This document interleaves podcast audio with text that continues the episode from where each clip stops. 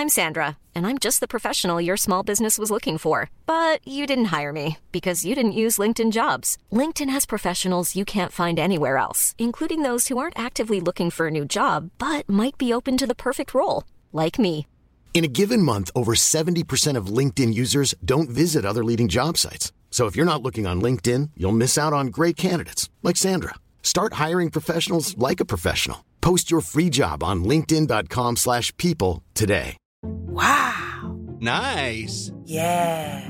What you're hearing are the sounds of people everywhere putting on Bombas socks, underwear, and t-shirts made from absurdly soft materials that feel like plush clouds.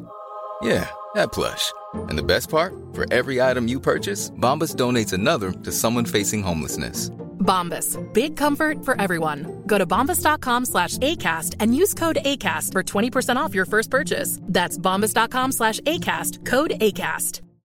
Millions of people have lost weight with personalized plans from Noom, like Evan, who can't stand salads and still lost 50 pounds.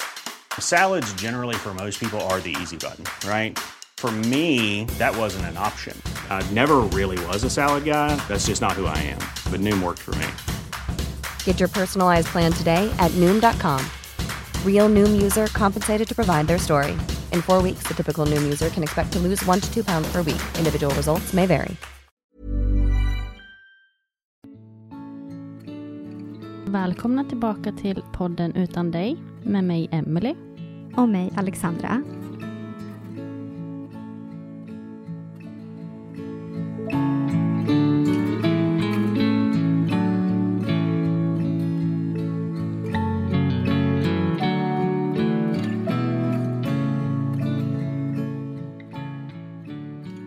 Idag så har vi en gäst med oss här som heter Silla och är mamma till Lisa som vi ska prata om i det här avsnittet. Men jag tänkte också passa på att säga att nu har ju vi haft sommaruppehåll och spelat in ett avsnitt, men det här är vår första gäst på ganska länge. Så vi känner oss lite ringrostiga också. Men det känns fint att få träffa dig, Silla. Tack, och tack för att jag får vara här. Du får jättegärna ta vid och börja berätta. Ja, men tack. Ja, jag heter som sagt Silla och eh, jag är mamma till Lisa, Lukas och Gustav. Gustav är 10 år och Lukas är 22 och Lisa blev 23 år. Och det är Lisa som jag tänker att jag ska berätta om idag. Och hon eh, eh, dog för snart ett år sedan. Om en vecka så är det ett år sedan som hon dog. Eh, jag vill också säga innan att jag har varit med en podd tidigare, så jag tänkte försöka prata eh, lite annat, så att det inte blir samma historia i båda poddarna. Så om man vill lyssna när jag pratar lite mer om eh, en del av vår resa, så finns det på Lär dig leva-podden, avsnitt 8, Älskade barn. Men Isa eh, började att pröva droger eh, någon gång i högstadiet eller gymnasiet. Och eh, vi upptäckte det då och pratade med henne, liksom så att, ja, men det, att det är inte så bra och inte okej och så, så att då trodde vi att det var ute ur bilden. Eh, att det inte var med längre, så att hon ja, fortsatte gå i gymnasiet, skolan och jobba och sådär. Sen eh, när hon eh, var 19 år, då fick vi vetskap om att hon bodde inte hemma då och att det var jättemycket droger i hennes liv. Eh, vi hade upptäckt också med att hon inte... Hon hade blivit mycket, mycket smalare eh, den senaste tiden i hennes liv. Och eh, det var något som vi hade senast, ja, den tiden hon inte bodde hemma, som vi hade pratat med så här, mottagningar och sånt. Vi tror att vårt barn har anorexia, men hon är över 18. Vad ska vi göra och hur ska vi göra och sådär. Men sen idag i maj 2016 så fick vi veta att det var jättemycket droger i hennes liv då och det här att det inte var så bra eh, där hon var.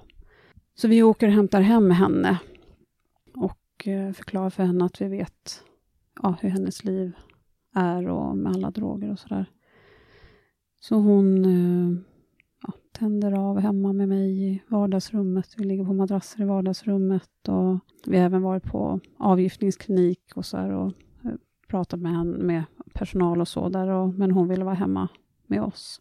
Då, under den här tiden sen som följer efter så slutar hon med drogerna. Hon är med oss hela tiden och anorexian. Hon har inte tidigare haft problem med ätstörning med anorexia, utan det har kommit sen hon flyttade hemifrån. Så när hon eh, är hos oss så går ju hon bara mer, mer, mer och mer och mer och mer i vikt. Det, det är så att hon var som verkligen ett skelett framför oss. Och eh, det var inte så lätt att få hjälp. Eftersom hon var över 18 så hade vi inget att säga till om egentligen. Och jag brukar beskriva lite som, så som jag har sett det, det är som att man har ett litet monster, anoreximonster. Liksom. Eh, det var inte Lisa. Eh, Lisa älskade ju att laga mat, hon gick ju restauranglinjen och hon har alltid lagat mat med sin morfar och det har ju varit ett av hennes stora intressen och nu vart maten liksom hennes fiende i och med anorexian. Men så vi försöker få hjälp eh, till henne under en period och eh, lyckas väl sen att få hjälp till henne, men det är en lång historia dit. Och eh, det är så pass illa så att hon hamnar på Södersjukhuset i Stockholm och är så lågviktig så att hon ligger på sjukhuset i två månader som hon är på SÖS, för det är som liksom fara för hennes liv.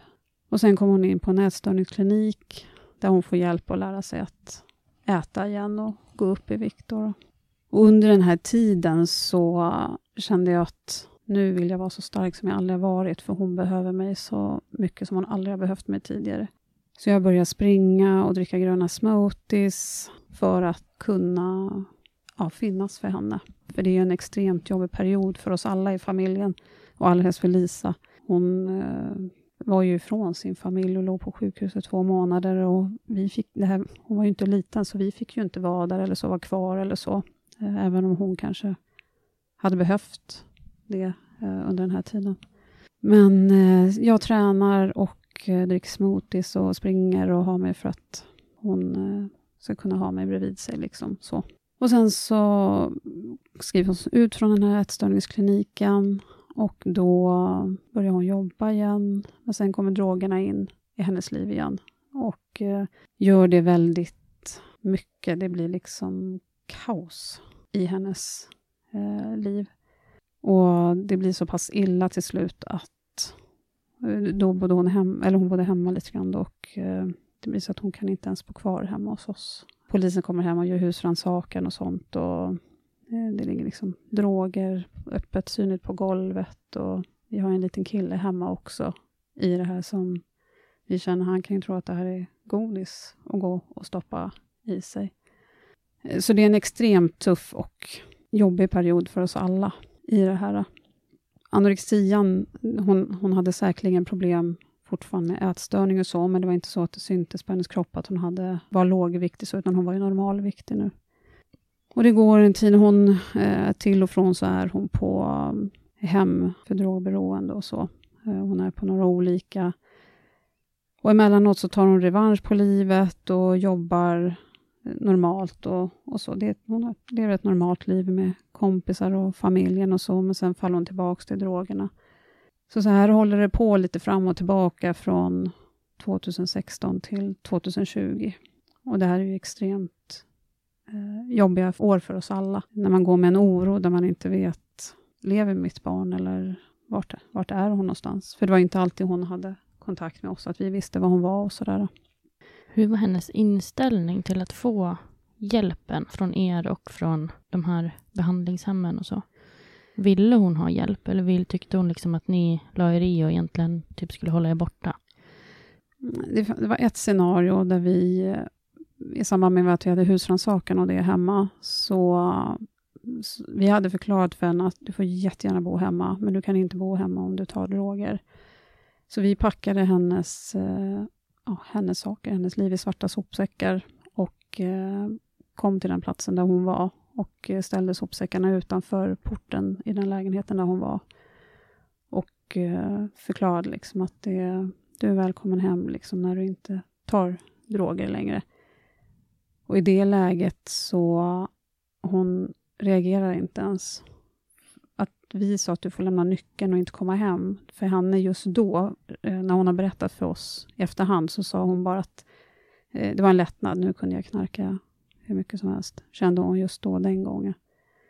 Med behandlingshemmen så det var ju jobbigt. Det är ju folk, du känner ju inte de här människorna och alla mår ju jättedåligt. Så det är en miljö som är allt annat än lugn och harmonisk.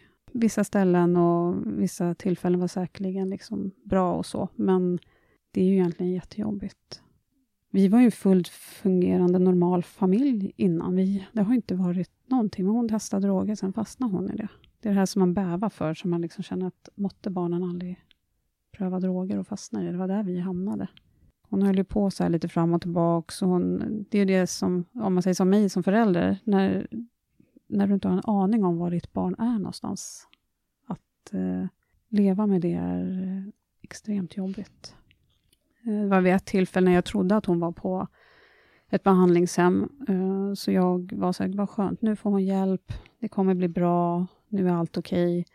Hon skickade mest till mig och pratade med mig och sa, men mamma det är så fint och jag längtar tills du får komma och hälsa på och vara här och jag går och eh, planterar blommor i rabatten och det är så mysigt och jag bara längtar tills du kommer mamma. Och sen så visade det sig att hon inte ens var kvar på det här behandlingshemmet. Men eftersom hon var över 18 så är det ingen som kontaktar oss. Så varför vi fick veta att hon inte var där, det var för att vi hade skickat post till henne eh, med hennes pass, för hon behövde legitimera sig. Och eh, det här brevet får vi hem tillbaks igen. Så då ringer jag upp det här behandlingshemmet och frågar efter Lisa och då förklarar de för mig att eh, hon har inte varit här på en hel vecka. Så en hel vecka har hon varit försvunnen utan att vi vet var hon är någonstans. Och då visade det sig att hon hade varit i Stockholm, behandlingshemmet låg inte i Stockholm och eh, då var det så illa så att hon eh, sov på Sergels torg på Plattan det har jag fått veta efteråt när hon har berättat. Det blir så absurt. Hur kunde det ens bli så här? Det ja, det är lite chockartat ibland. Mm, jag förstår det. Men hon eh, tar ju som sagt revansch på livet flera gånger, jobbar på affär och allt är normalt. Hon umgås med familjen, eh, är med sina bröder och, och så. Men eh, sen kommer hon in i sista tiden in i missbruket igen. Eh, hennes sista år, då, då var det väldigt mycket droger. Och då, jag jobbar ju som yogalärare och jag minns speciellt vid ett par tillfällen när de, jag ska alldeles strax gå och hålla en yogaklass och då ringer de från hennes jobb och frågar om jag vet var Lisa är någonstans, för hon har inte kommit in till jobbet. Och Lisa eh, var väldigt mycket så här, hon sköter sina jobbtider och hon, alltså väldigt ansvarstagande och så är det. Men eh, då hade hon inte kommit upp, så då började jag ringa runt till alla som man känner runt omkring och ingen fick tag i henne, ingen visste var hon var någonstans. Och just det att gå in och jobba och du vet inte vad ditt barn är, eller om hon ens lever just då. För det tyvärr är ju så i den världen att det kan hända. Under de här åren har jag verkligen tagit all hjälp man kan överallt ifrån för att kunna hantera vår situation. Så så när jag satt på de här yogaklasserna så var det ingen som visste att hennes barn är borta eh, just nu. Sista året, då händer det någonting. Då är det mycket droger inblandat. Eh, hon är borta mycket från oss långa perioder, vet inte vi var hon är någonstans. Hon svarar inte hon på vare sig telefonsamtal eller på sms. Och sen en morgon när jag vaknar i september, då har jag missade samtal, Eh, på telefonen och sen när jag googlar och ser vad det är för nummer, då ser jag att det är Sankt Görans sjukhus i Stockholm som har ringt. Så då ringer jag upp dem och så säger jag att eh, ni har sökt mig under natten och eh, jag tror att det kan gälla min dotter Lisa. Och då förklarar, eller då säger den här kvinnan jag pratar med bara att men jag, jag ska be att en läkare ringer upp till dig. Och det här är klockan sex på morgonen. Och min man hör ju samtidigt att jag pratar i telefon att det är någonting på gång. Sådär. Och läkaren ringer upp mig och eh, förklarar att Lisa kom in till dem väldigt sjuk på natten och att det vore bra om jag eh, kom in till dem på, till sjukhuset. Och min man hör samtalet så att han är ju typ färdigpåklädd innan jag ens hunnit avsluta samtalet. Och eh, vi åker hem till Lisas eh, pappa och hans fru. Så åker vi in till sjukhuset tillsammans. Jag vet att jag säger till läkaren att jag bor inte med Lisas pappa. Ska jag be honom komma in också? Och då sa han, ja, jag tror att det är bra. Så vi förstod ju att det är allvarligt. Så vi sitter där i, eh, inne på akuten och väntar. Jag ser personalen bakom disken och jag känner så här, det känns som de vet något som vi inte vet. Två läkare kommer och möter upp oss. När vi, jag och min man går sist och då eh, vet jag att jag och min man tittar på varandra och så säger vi att nu är det illa. Nu, nu är det riktigt, riktigt illa. Och när vi sitter där inne så förklarar de att Lisa kom in väldigt sjuk till dem i natt och att eh, de förklarar allting vad de har gjort och så och till slut så säger de att hennes kropp inte orkade mer utan att hon dog hos dem på natten. Jag vet att jag sitter helt lugn och så tänker jag så här att läkaren måste tro att den här mamman inte är vid sina sinnesfulla bruk nu. Det var jag naturligtvis inte, men samtidigt så är det det här jag har bävat för det här i fyra år, som det har varit kaos med drogerna.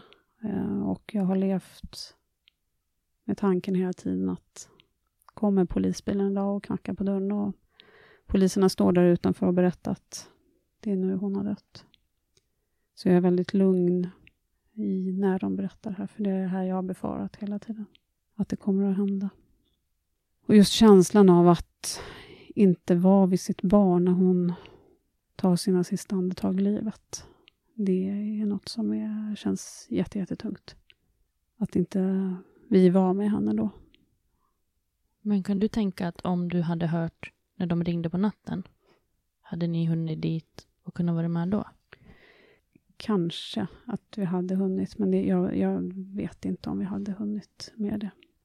Lisa hittades ju på en toalett i Stockholm. Och hon hade tagit, eh, jag vet inte om hon gjort det med flit eller inte, men det var ju en överdos. Så hon var ju väldigt dåligt skick när hon kom till dem.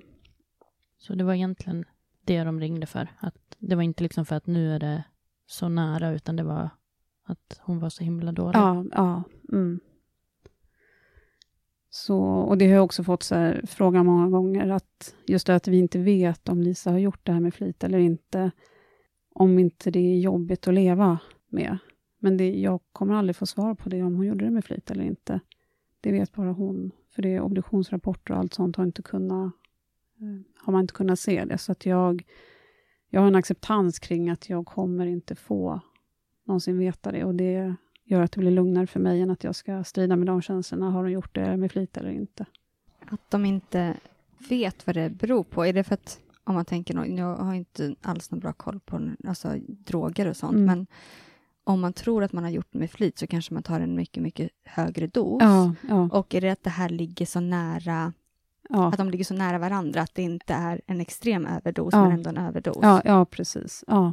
Så det är därför som man inte vet. Mm när vi kommer till sjukhuset, då har ju de redan forslat bort Lisa därifrån.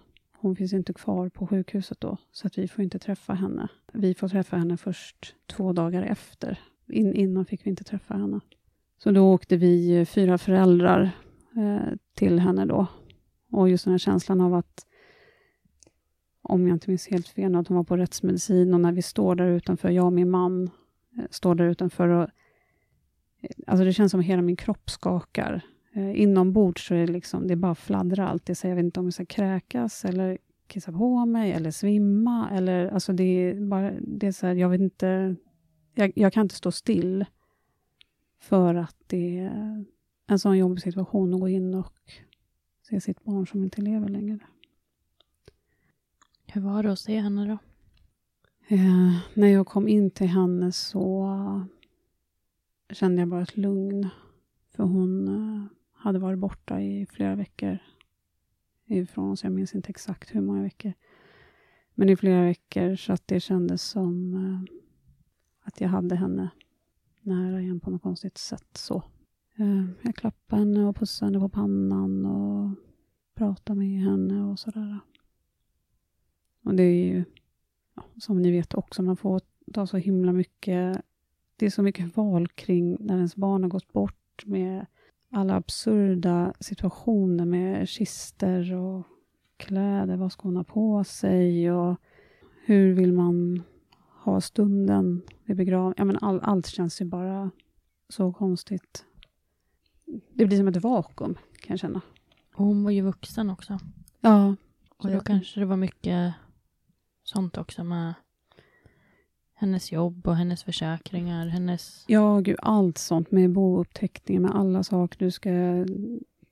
Hon hade ju hand om sitt egna liv, så allt man ska göra med bouppteckningen, alla ställen man ska ringa och prata med. Och I början vet jag att jag satt och ringde flera samtal om dagen och sa att ja, men, hej, jag heter Silla och sen, ja, mitt barn har dött, kan du hjälpa mig med det här och det här? Ja, och till slut kände jag, jag, jag gick sönder.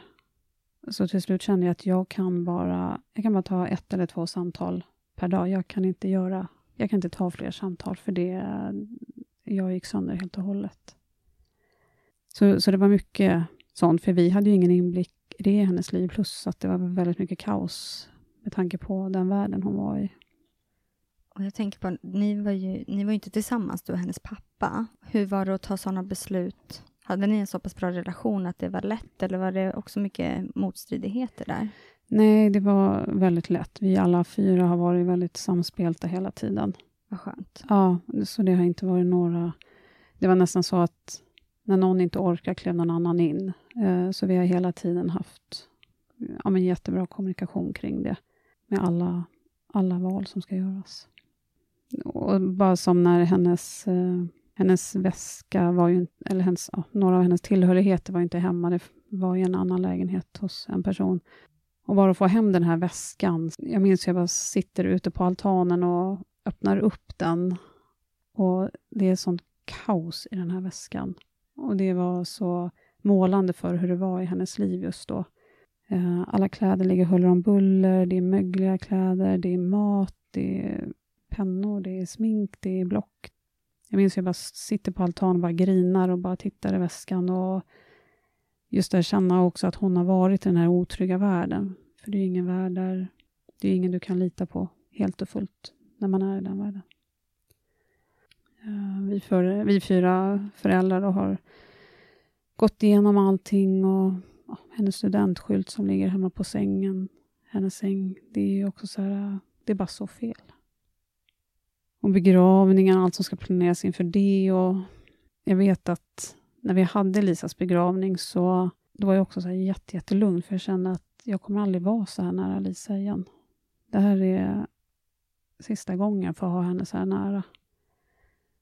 Eh, så det är vid ett tillfälle då, då blir jag ledsen för då börjar officianten prata om vad Lisa har på sig för kläder och så i kistan. Och det kände jag att då högg det så fruktansvärt mycket i, i bröstet. Liksom. Vad hade hon för någonting på sig? Hon har faktiskt på sig klänningen som jag gifte mig med hennes pappa. Det var några kompisar till mig, deras mamma var sömmerska, så hon sydde upp den när jag och hennes pappa gifte sig. Och eh, för många år sedan när Lisa var i tonåren så stod hon och prövade den här klänningen. Och så stod hon och dansade hemma i hallen och sa att mamma, den här vill jag ha när jag gifter mig. Så då tänkte jag, nu får hon den klänningen på sig. Så hon har den på sig faktiskt. Vad fint. Ja, det känns jättefint. Gör det. Annars kände jag under begravningen att jag vill jag vill inte missa en sekund. Jag vill vara med henne varje sekund i det här. Och jag vet att min stora syster hon sa till mig, hon sa, alltså, jag fattar inte hur du kunde vara så lugn under hela begravningen. Så hon sa så här, det måste vara yogan. Ja.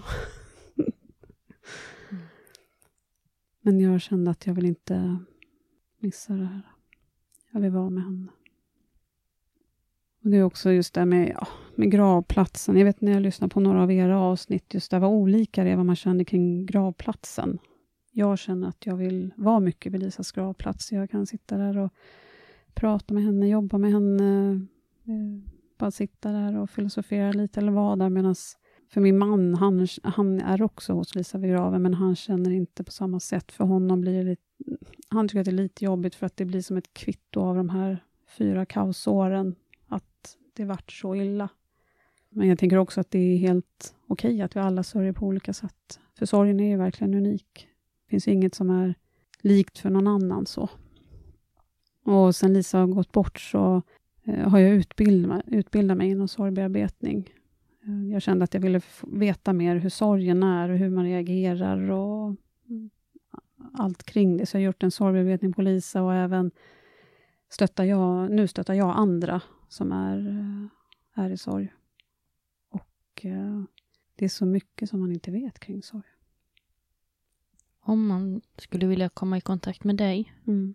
och få hjälp med det, ja. hur gör man då? Då har jag ett företag som heter Sillas, med Z på slutet, hälsorum. Och jag finns på Boka Direkt och Facebook och Instagram. Vi kan ju skriva det inlägget om den här, om, i avsnittet också. Mm. Och sen så kan vi säga att du kommer komma tillbaka lite senare i höst. Ja, men precis. Och prata mm. mer om det här också, ja. här hos oss. Ja, då kommer jag berätta lite mer om sorg, så att man eh, får lära sig lite. Både att vara i sorg och den som är bredvid.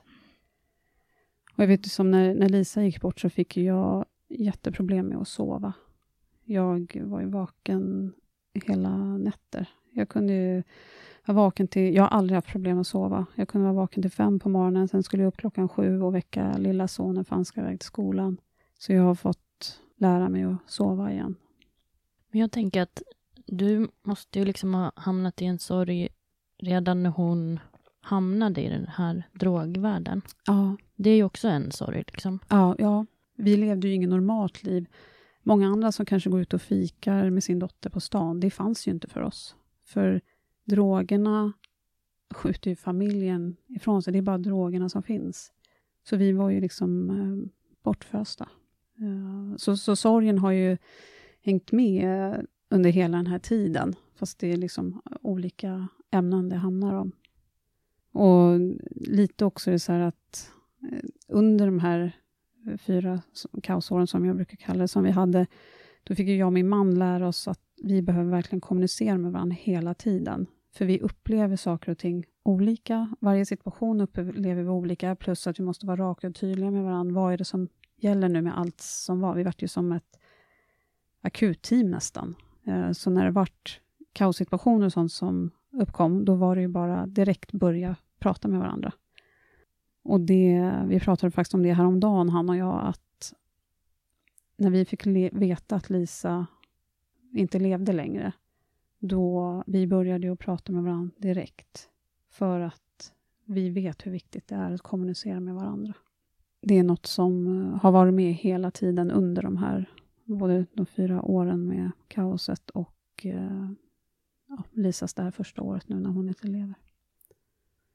Hur har det varit för Lisas bröder och hur har ni liksom kunnat prata med dem om det här? Uh, Lisas uh, Lukas då, som är 22, han bor inte hemma, han bor med sin tjej. Så att, men, men, vi pratar med varandra. Så de, I början där när Lisa dog, då var ju han och hans tjej hemma hos oss. Så vi var ju hemma tillsammans, familjen, första veckan och bodde där. Då var det också många som Eh, Eh, vi är så tacksamma för, för många kom med blommor, mat, ehm, stöttade upp oss på alla möjliga sätt. så.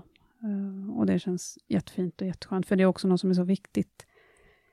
Eh, jag kan ju känna att det här med maten, det, jag orkade ju inte ens gå in på en affär. Jag vet att efter några dagar försökte jag, då skulle vi åka och handla lite eftersom vi alla var hemma.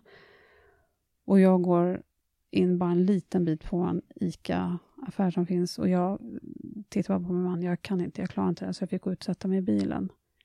Och steget att ens fundera över vad man ska äta, handla maten, laga maten, alltså allting kring det. För mig så fanns inte det. Jag hade ju fullt sjå att ta mig igenom nästa andetag. Och det kan är så viktigt för alla som har någon som är i sorg runt omkring sig, att hjälpa till med maten. Och det är ju faktiskt väldigt många som säger eh, av våra gäster och jag har själv också upplevt ja. precis det. Mm. Och jag tycker att det sitter kvar väldigt länge just med maten. Ja. Att det är, det är en jobbig grej. Jag kan fortfarande tycka det ibland, att det liksom är jobbigt. Ja. ja, men det kan jag känna också. Nu har det snart gått ett år och vi har fortfarande inte fått ordning på våra mat rutiner. Och i början, vi, vi åt så mycket snabbmat, för vi orkar inte... För du kanske inte orkar möta någon på affären just den dagen, och, eller inte orkar överhuvudtaget, för du försöker ta dig igenom dagen. Och det är verkligen något som alltså jag verkligen vill lyfta till alla som är bredvid. Hjälp till med att laga mat och även alltså då ha färdiga portioner mat. Inte att man ska behöva laga maten, tillaga maten, utan att det bara värma liksom, i mikrokastrull, ugn, ja men så. Mm. Det är något som eh, jag också märker att folk runt omkring mig pratar mycket om. Mm. Och det är ju så viktigt med maten. Ja, jätteviktigt. För man mår ju ännu sämre, om jag ser på mig själv. Jag, jag har ju alltså, tränat mycket, ätit mycket, ätit vegetariskt eh, ja, men, och tänker mycket näringsmässigt vad jag ska få i mig. Så för mig vart det också lite chock är stort ord, så inte, men kroppen, det vart ju så här, vad, jag hade ju inte samma energi eller ork med det heller, för att jag åt så lite näring. Sen tänker jag att det är ett bra, skönt, konkret tips till andra också. För att ja. många vill ju hjälpa till, men vet ja. inte vad man kan göra. Men mm. slänga ihop en köttfärssås, det kan ju faktiskt de flesta göra. Liksom. Ja. Och det är sån stor skillnad. Mm. Ja, men det är Så det är jättebra. Och, och just det att för ofta av ren välvilja, och det, det, förstår jag, det har jag också gjort massor med gånger, att man säger så här, men hör av dig när du vill ha hjälp. Men jag kan bara säga till mig själv, jag orkade inte ens höra av mig. Jag hade fullt sjå med att ta mig upp ur sängen och ta hand om min lilla son, eller bara orka försöka gå till jobbet den dagen. Det, att höra av sig, det, det fanns inte på min karta, för jag orkade inte göra det. Och så vet man väl heller inte riktigt vad man vill. Nej. Alltså, man, kan inte, man kan inte be om det, för man vet inte heller vad man vill eller vad man behöver, för att det är så kaos uppe i ens huvud. Ja. Så då är det skönt om någon annan tar lite beslut åt ja, en. Ja. ja, och jag tänker så här, är man bredvid, man behöver inte ens... Eh, ifall det är en sån då när personen sorg inte orkar möta upp, nej men ställ bara matkassen utanför dörren. Kolla, vill, är det okay? vill du att jag ställer utanför dörren eller vill du att jag kommer in med en? Alltså det är och det är inte det att man behöver komma med mat sju dagar i veckan, utan gör det lite då och då, och över tid, lång tid. Gör det under ett halvårs tid. Kom med mat någon gång i månaden, mm. eller ja, men, ett par gånger. Ja, men det, det är något som hjälper den som är i sån sorg just då jätte, jättemycket. För jag hör alla runt omkring mig som är i sorg pratar just om maten, att det är så jobbigt, för man orkar inte. Och jag vet just så situationen när, vi, när jag skulle betala, eftersom det är så mycket konst, eller det är så mycket jobbiga saker, konstiga saker man får göra när ens barn går bort. Bara att jag skulle gå in och betala Lisas begravningsräkning på banken. Uh, för det är, man kan ju inte, det allt som rörde hennes konto måste man gå in på banken, man får inte betala någonting hemifrån, eller liksom kan inte köra som med vanliga räkningar. Och då kände jag så nej men det, det är okej, jag jag kände mig ganska stark den dagen, så jag går in på banken, ska betala hennes räkning och eh, begravningsräkningen. Och min man har ju frågat, är det okej? Klarar du det här själv? Jag säger, ja, men det, det är lugnt. så. Och när jag står inne på banken, alla andra människor som sitter där, så bara känner jag att det bara bubblar i mig. Liksom. Det, börjar bara, det bara väller upp i mig och jag bara började grina och jag kände att det tog liksom inte slut. Jag kunde inte, det var så absurt att här ska jag stå och betala mitt barns begravning. Så till slut så går jag ut därifrån, för jag kan liksom inte sluta. Jag kommer inte ihåg om jag mässade eller ringde min man. Och då visade sig, då var han i närheten med sitt arbete just då. Och eh, så han sa det, men, men, men gå bara ut från banken, sätt dig någonstans, så jag kommer eh, till dig. Så jag minns liksom hur jag sitter i en, i en korridor och tårarna bara rinner. Alla människor som går förbi mig. Det är ingen som har någon aning om att där sitter hon och gråter för att hennes barn har dött och hon ska betala räkningen. Och så blir man lite så galen på det där att man tycker att det ser ut som att hela världen fortsätter rulla på ja. och alla andra har det bra, typ. Fast vi vet ju inte vad de har varit med om heller. Nej, Men nej. för en själv så har ju världen rasat liksom. Och ja bussar fortsätter gå och folk handlar normalt. Ja. Liksom. Ja, men det känns lite som att, det känns som att vara i en bubbla. Jag är i bubblan, jag ser allting som fortsätter som vanligt runt omkring, eh, men inget är som vanligt. Mm. Allt är bara så konstigt. Och sen vet jag, som ni har lyssnat på er podd tidigare, där många där var det så diskussioner vad man säger, hur många barn man har. Mm. Och där var ju jag och min man också. Jag kände, hur många barn ska vi säga att vi har? Det är såklart att vi har tre barn, både Lisa, Lukas och Gustav. Men innan vi, nu har jag ju landat i att jag säger att jag har tre barn. Men i början så visste inte jag vad jag skulle säga för någonting. Eh, hade vi kontakt med banken, då ville ju de, som inte rörde Lisa så, utan det rörde oss, då ville ju de inte veta hur många barn vi hade egentligen, för de ville ju bara rent ekonomiskt sådana saker, så då ville ju de, då ska vi sitta och bara skriva att vi bara har två barn, och det kändes Mm. så himla fel. Mm. För vi har ju inte två barn, vi har ju tre barn. Jag vet att det var en situation vi var i när eh, vi är i ett sällskap som vi inte känner så väl.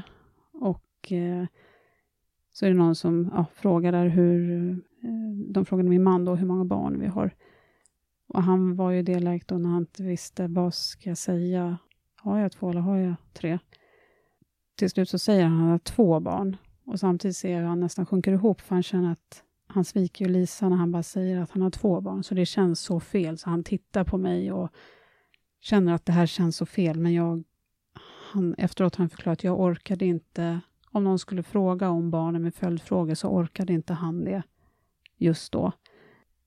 Och sen så dröjer det så med att han svarar med hur många barn han har, så att det är en annan person i sällskapet som säger att ja, så du var allt tvungen att tänka efter lite hur många barn du har. Och den här personen har ju inte en aning om vad vi har gått igenom. Mm. Och det är ju självklart, han menar ju inget illa överhuvudtaget. Men det är sådana här situationer som uppkommer och det är ingen som vet hur vi har att vi kämpar med hur många barn vi har egentligen innan vi har landat i det. Det blir många konstiga situationer. Men har du någon kontakt eller stöter på personer som har varit med i Lisas liv? Både liksom vänner från kanske innan drogtiden och folk som också har hamnat i missbruk. Ja, jag har kontakt med, med, ja, med både och lite så. Det var också en situation när Lisa, Lisa fyllde år 23 december. Så hennes första födelsedag där vid graven så satt jag med en, eh, en nära, hon, hon blev lite som en extra mamma för Lisa. Hon jobbade på ett av behandlingshemmen som Lisa var på. De fick jättemycket kontakt med varandra, så de fortsatte ha kontakt sen. Så hon blev som Lisas extra mamma. Så hon och jag sitter vid Lisas grav där när hon förlorar den 23 december. Och då kommer det en uh, ung tjej gåendes och så frågar hon om jag var Lisas mamma. Hon eh, sa det, jag tycker jag känner igen dig från kort som Lisa har visat. Och eh, då berättade hon vad hon hette. Hon var där med sina föräldrar. Men när hon såg mig så sa hon, det är nog bra om jag går fram själv nu, så hennes föräldrar gick iväg en bit. Och jag visste ju att den här tjejen hade Lisa tagit mycket droger med. Hon står och pratar lite och så och eh, efter en tid så tittar hon på mig och sen så säger hon att jag ber så mycket om ursäkt för att jag var en av dem som har tagit droger med ditt barn. Och hon blir ledsen. Och eh, jag går fram och kramar henne och säger att det var bra att du kom. Det måste vara oerhört jobbigt för henne. Där sitter jag, Mm. Lisas mamma. Det var väldigt modigt av henne ju. Ja, det var jätte, jättemodigt. Jag är jättetacksam över att hon gjorde det. Mm. Och hon berättade med tiden att hennes föräldrar också var där, så jag sa det, men alltså de är ju också jätte alltså, välkomna att stå här med oss. Så hon ringde till sina föräldrar, så att vi stod där allihopa sen där. Så det blev en eh, fin stund i det jobbiga på något sätt. Men det var verkligen jättemodigt och jättefint gjort av henne. Har du någon kontakt med henne idag? Nej, det har jag inte. Det, är första gång, det var första gången jag träffade henne då. Men jag hade, jag hade hört hennes namn av Lisa och så. Men hur känns det om du ser andra familjer som har barn i Lisas ålder? Ibland så är det jättejobbigt. Går vi på ICA Maxi till exempel, det kanske är familjer som går med sina barn i Lisas ålder. Ibland eh, tycker jag så här, det är härligt eh, och, och så att se ja, men familjen, och ibland blir det jättetungt. Ibland kan det vara också så att jag, när jag handlar på ICA så kanske jag möter, jag vet vid ett tillfälle så såg jag en av en gammal eh, kompis till Lisas pappa Och det är det här, jag vet aldrig när sorgen kommer, när den bubblar upp. Först kände jag så här, att det kändes lugnt att jag kunde fortsätta gå och handla på, med min familj. Sen så kände jag att bara, nej, alltså jag började bara storgråta, och, för det vart så jobbigt att bli påmind om att hon inte finns med oss längre. Så är ju inte alla dagar, men emellanåt blir det så. Då låter jag sorgen komma. Jag lägger inte någon lock på eller så. Min man och jag har pratat mycket om det här också, att, för man vet aldrig när det kommer. Något jag verkligen saknar är ju att höra henne säga mamma. Att eh, det är någon av de saker jag känt har jätte, jättejobbigt. Att jag aldrig får höra att hon säger mamma igen. Jag vill ju prata om Lisa. Hon är ju levande inom mig. Jag har ju alla minnen med henne i mig. Jag älskar att få höra när folk berättar historier. Om det är kompisar eller andra runt omkring som berättar historier om Lisa. Det tycker jag om, för det blir ju att hon... Jag får höra deras relation med varandra, plus att hon blir ju levande för mig ännu mer. liksom Så Så det tycker jag är, det är skönt att få höra andra prata om henne. Pratar ni mycket om Lisa hemma? Ja, det gör vi. Det gör vi nog nästan varje dag. Vi har kort på henne hemma och så. Gustav var ju nio år när, när Lisa dog. Och eh, vi har gjort så att han... För ibland dyker det upp minnen som han kommer på, så vi har som en liten... Där vi skriver upp alla minnen när han kom på saker, så lägger vi alla de papperslapparna där vi skriver alla minnen, så har han sin lilla minnesburk liksom där med Lisa. Och saker som hon har gjort. Eh, hennes sista månader i livet så satt eh, de och byggde pärlplatta eh, tillsammans. Och då har hon gjort en pärlplatta där det står Gustav. Jag kommer ihåg när jag stod och efter hon hade dött, så, för den blir väldigt viktig nu för Gustav och för oss, liksom att han, det är ju hennes, deras minne tillsammans. Så jag stod och strök den där och, för att han ska få ha den kvar, så att den inte ska, någon ska stöta till den och alla pärlor åker åt olika håll och kanter. Kan du vara orolig att något annan av dina barn skulle kunna hamna i drogmissbruk? Självklart finns väl alltid oron, för det här var ju inte ens något vi trodde att vi skulle hamna i. Eh, sen tror jag att de båda verkligen har fått se den mörka sidan och eh, jag tror att de håller sig jättelångt borta från det. Jag vet att nu som Gustav, när han, han går i fyra nu, eh, han kom hem en dag och kände att det var jättejobbigt för de höll på att prata om han hörde barn på rasten lite äldre stå och prata om droger och sånt. Och det är ju, jätte, det är ju jobbigt för honom, för hans syster har ju dött nyligen på grund av drogerna.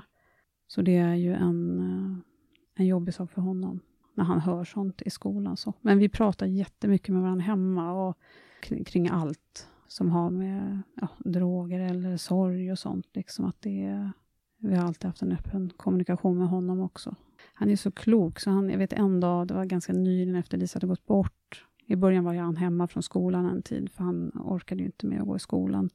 Sen började han gå på en lektion om dagen. Och då fick han välja vilken lektion på schemat som han ville vara med på, så fick han vara med på den lektionen. Och då var det en dag som jag hämtade honom från skolan och så gick vi där på trottoaren och då sa han att Mamma, det är som att vi har fyrkantiga däck just nu. Och det är ju verkligen så som det var och är för oss, att det, det rullar inte på, utan vi har verkligen fyrkantiga däck just nu. Och det var så målande beskrivet av hur det ser ut just nu för oss. Mm. Har de varit väldigt tillmötesgående i hans skola? Ja, det har de varit. De har varit jättetillmötesgående. Har de. Uh, han har haft två fantastiska lärare som uh, har backat upp honom till 100 procent. De har verkligen varit så här, Gustav gör det han orkar göra och i början ja, var han som sagt bara en lektion om dagen och det var inget tvång eller pushning att han skulle klara massor med grejer och sånt, utan de har varit eh, jätte, jättefina. Skönt. Ja, det har varit jätteskönt. För jag har hört att det inte alltid är så. Det är många andra som jag hör där, där det inte riktigt är så. Så det har faktiskt varit jätteskönt just det sorgen för mig, att allt har gått lite i att lyssna in kroppen, vad man orkar för dagen och så. Eh, att jag har pausat många gånger, för jag har känt att nu är det för övermäktigt, nu orkar jag inte riktigt. Och att med tiden att man tar in saker, bland annat till exempel den här eh, toaletten där Lisa hittades. Samma dag som vi var och tittade på Lisa, vi fyra föräldrar, så åkte jag och min man till den toaletten och stod utanför. Men vi gick inte in på toaletten, men, men vi var där. Men att gå in, det kändes för tungt och för jobbigt, så det gjorde inte vi. Efter ett halvår så frågade min man om eh, jag kände mig redo. Och då eh, så sa jag att men det, jag känner mig redo nu. Så då åkte vi dit tillsammans, han och jag. Och så gick vi in på den här toaletten som hon hittades på. Då, och då levde hon fortfarande. Och att inte skynda på saker, utan känna efter när, när det känns okej och så. Hur var det att vara där inne på den då? Eh, när vi först mm, gick in så stod vi bara tysta. Sen började vi prata lite grann. Och både, jag tror att det var väldigt bra för både mig och min man, för vi hade målat upp bilder, han sitt scenario, hur han tänkte sig att det såg ut och jag hur, hur det såg ut och så, eh, hur Lisa hade det där inne. Så det var väldigt skönt att faktiskt få se hur det egentligen såg ut där inne. Det var lite lugnare på något sätt. Även fast det var ju fruktansvärt, fruktansvärt, fruktansvärt jobbigt.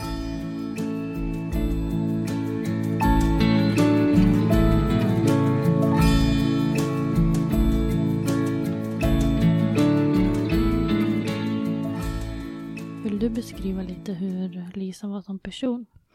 Hon eh, var väldigt glad. Hon skrattade jättemycket. Hon älskade att titta på dokumentärer. Hon eh, tyckte om att laga mat. Hon tittade alltid på Sveriges Mästerkock med sin lillebror. Eh, hon brukade baka amerikanska pannkakor och göra det till sina brorsor. Hon var väldigt barnkär. Hon ville ha hund. Det var alltid så här, hundar som var i närheten. henne, De kom alltid till henne och satte sig hos henne. Hon gillade tatueringar. Hon gillade kaktusar. Hon, ehm, ja, men hon var alltid glad. Hon skrattade alltid. Hon sa jämt asså. Ehm, jag kommer ihåg vi, eh, vi bor ute i skogen. Vi brukade hämta barnen vid bussen när de kom hem. Så ofta när jag hämtar Lisa så kom eh, Danny Saucedos eh, låt eh, Brinner i bröstet, tror jag den heter. Den kom alltid när jag hämtade henne vid bussen. Så till slut då var det så här, men gud, det här är ju vår låt. Så att den kom alltid på radion. Så då satt vi alltid och, ni vet, när man så massa fulsjunger, så man bara skriker så högt, så man bara känner så här, hoppas ingen hör eller ser oss. Så satt vi alltid från bussen och, eh, och skrek, sjöng till den låten. Så här underbart härligt. som man, vi bara satt och skrattade sen för att det var, hoppas ingen hör oss mamma nu. Ja. Mm. Nej, hon var alltid glad. Hon tyckte att vara hemma hos sin mormor och morfar. Och hon älskade lapskojs och saffranspannkaka. Hon låter som en härlig person. Ja, hon var helt underbar. Ja. Så det är ett stort tomrum efter henne. Mm. Jag har också med mig så sorgen av att inte... Hon älskade ju barn. Jag visste att jag kommer bli mormor. För hon hade sån längtan efter barn och ville verkligen ha barn. Så för mig har det också varit en, en process i att bearbeta att jag aldrig kommer bli mormor. Ja, det var som min man kom på en dag också, att nu blir jag aldrig bonusmorfar. Något som man kanske har tagit så för givet aldrig kommer att bli så. Det är något som känns tungt. Ja, det är så mycket som man förlorar som man inte tänker på i början. Liksom. Ja, de som man hade tagit för givet innan. Mm. Nu tar jag inte något för givet längre. Nu är jag bara i nuet. Eh, cyklar min son till skolan, tittar jag på honom hela vägen när jag ser honom i fönstret. För rent krasst så vet jag inte om det är sista gången jag ser honom. Så var det för med min dotter. Eh, jag har blivit väldigt mycket att jag, jag inte tar någonting för givet. Och samtidigt lutar mig mot liksom ordet acceptans, att det är med mig i, i allt.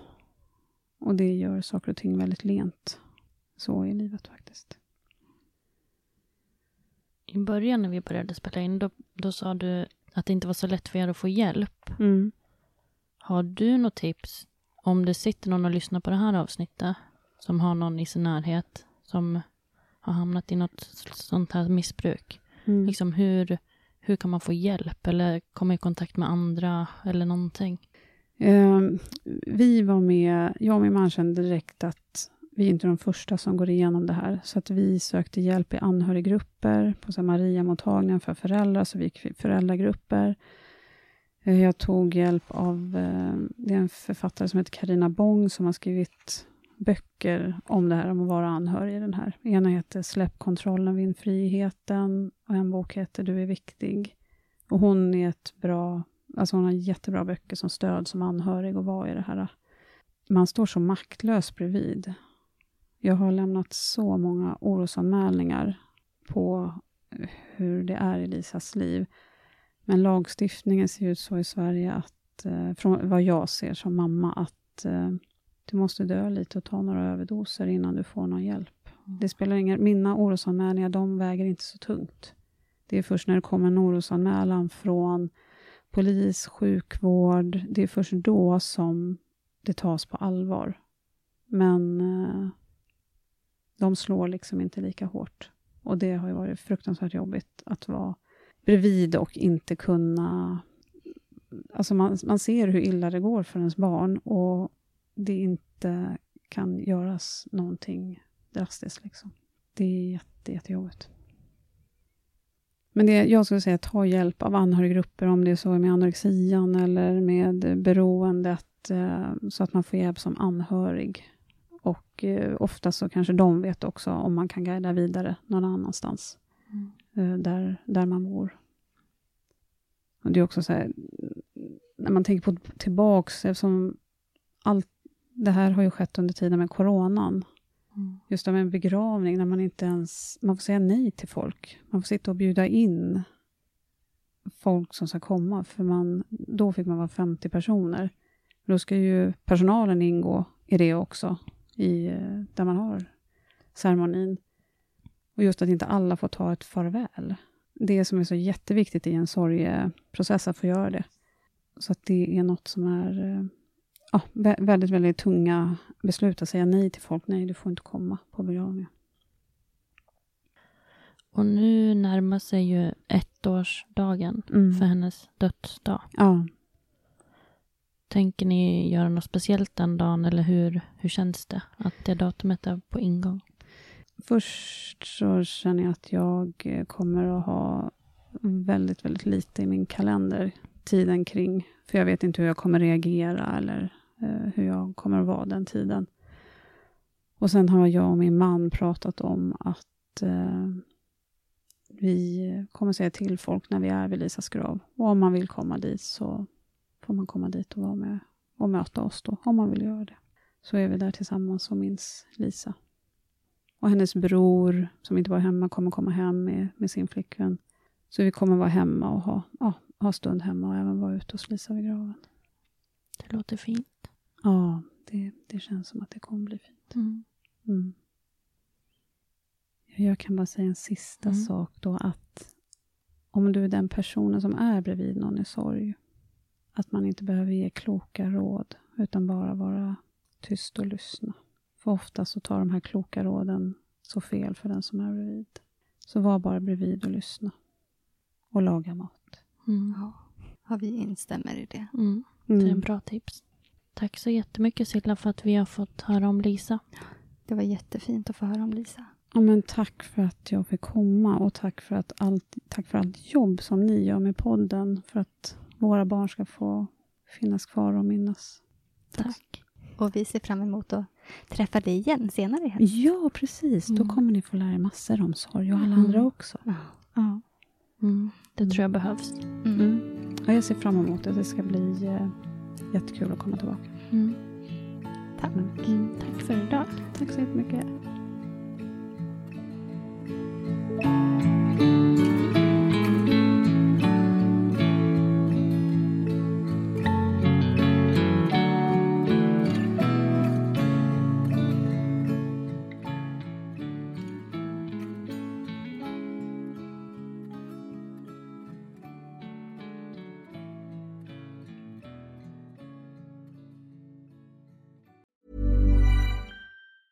Mom deserves the best, and there's no better place to shop for Mother's Day than Whole Foods Market. They're your destination for unbeatable savings, from premium gifts to show-stopping flowers and irresistible desserts. Start by saving 33% with Prime on all body care and candles. Then get a 15-stem bunch of tulips for just $9.99 each with Prime. Round out Mom's menu with festive rosé, irresistible berry chantilly cake, and more special treats. Come celebrate Mother's Day at Whole Foods Market. Imagine the softest sheets you've ever felt. Now imagine them getting even softer over time. That's what you'll feel with Bowl and Branch's organic cotton sheets. In a recent customer survey, 96% replied that Bowl and Branch sheets get softer with every wash. Start getting your best night's sleep in these sheets that get softer and softer for years to come. Try their sheets with a 30-night guarantee. Plus, get 15% off your first order at bowlandbranch.com. Code BUTTERY. Exclusions apply. See site for details. Hi, I'm Daniel, founder of Pretty Litter. Cats and cat owners deserve better than any old-fashioned litter. That's why I teamed up with scientists and veterinarians to create Pretty Litter. Its innovative crystal formula has superior odor control and weighs up to 80% less than clay litter. Pretty Litter even monitors health by changing colors to help detect early signs of potential illness. It's the world's smartest kitty litter. Go to prettylitter.com and use code ACAST for 20% off your first order and a free cat toy. Terms and conditions apply. See site for details.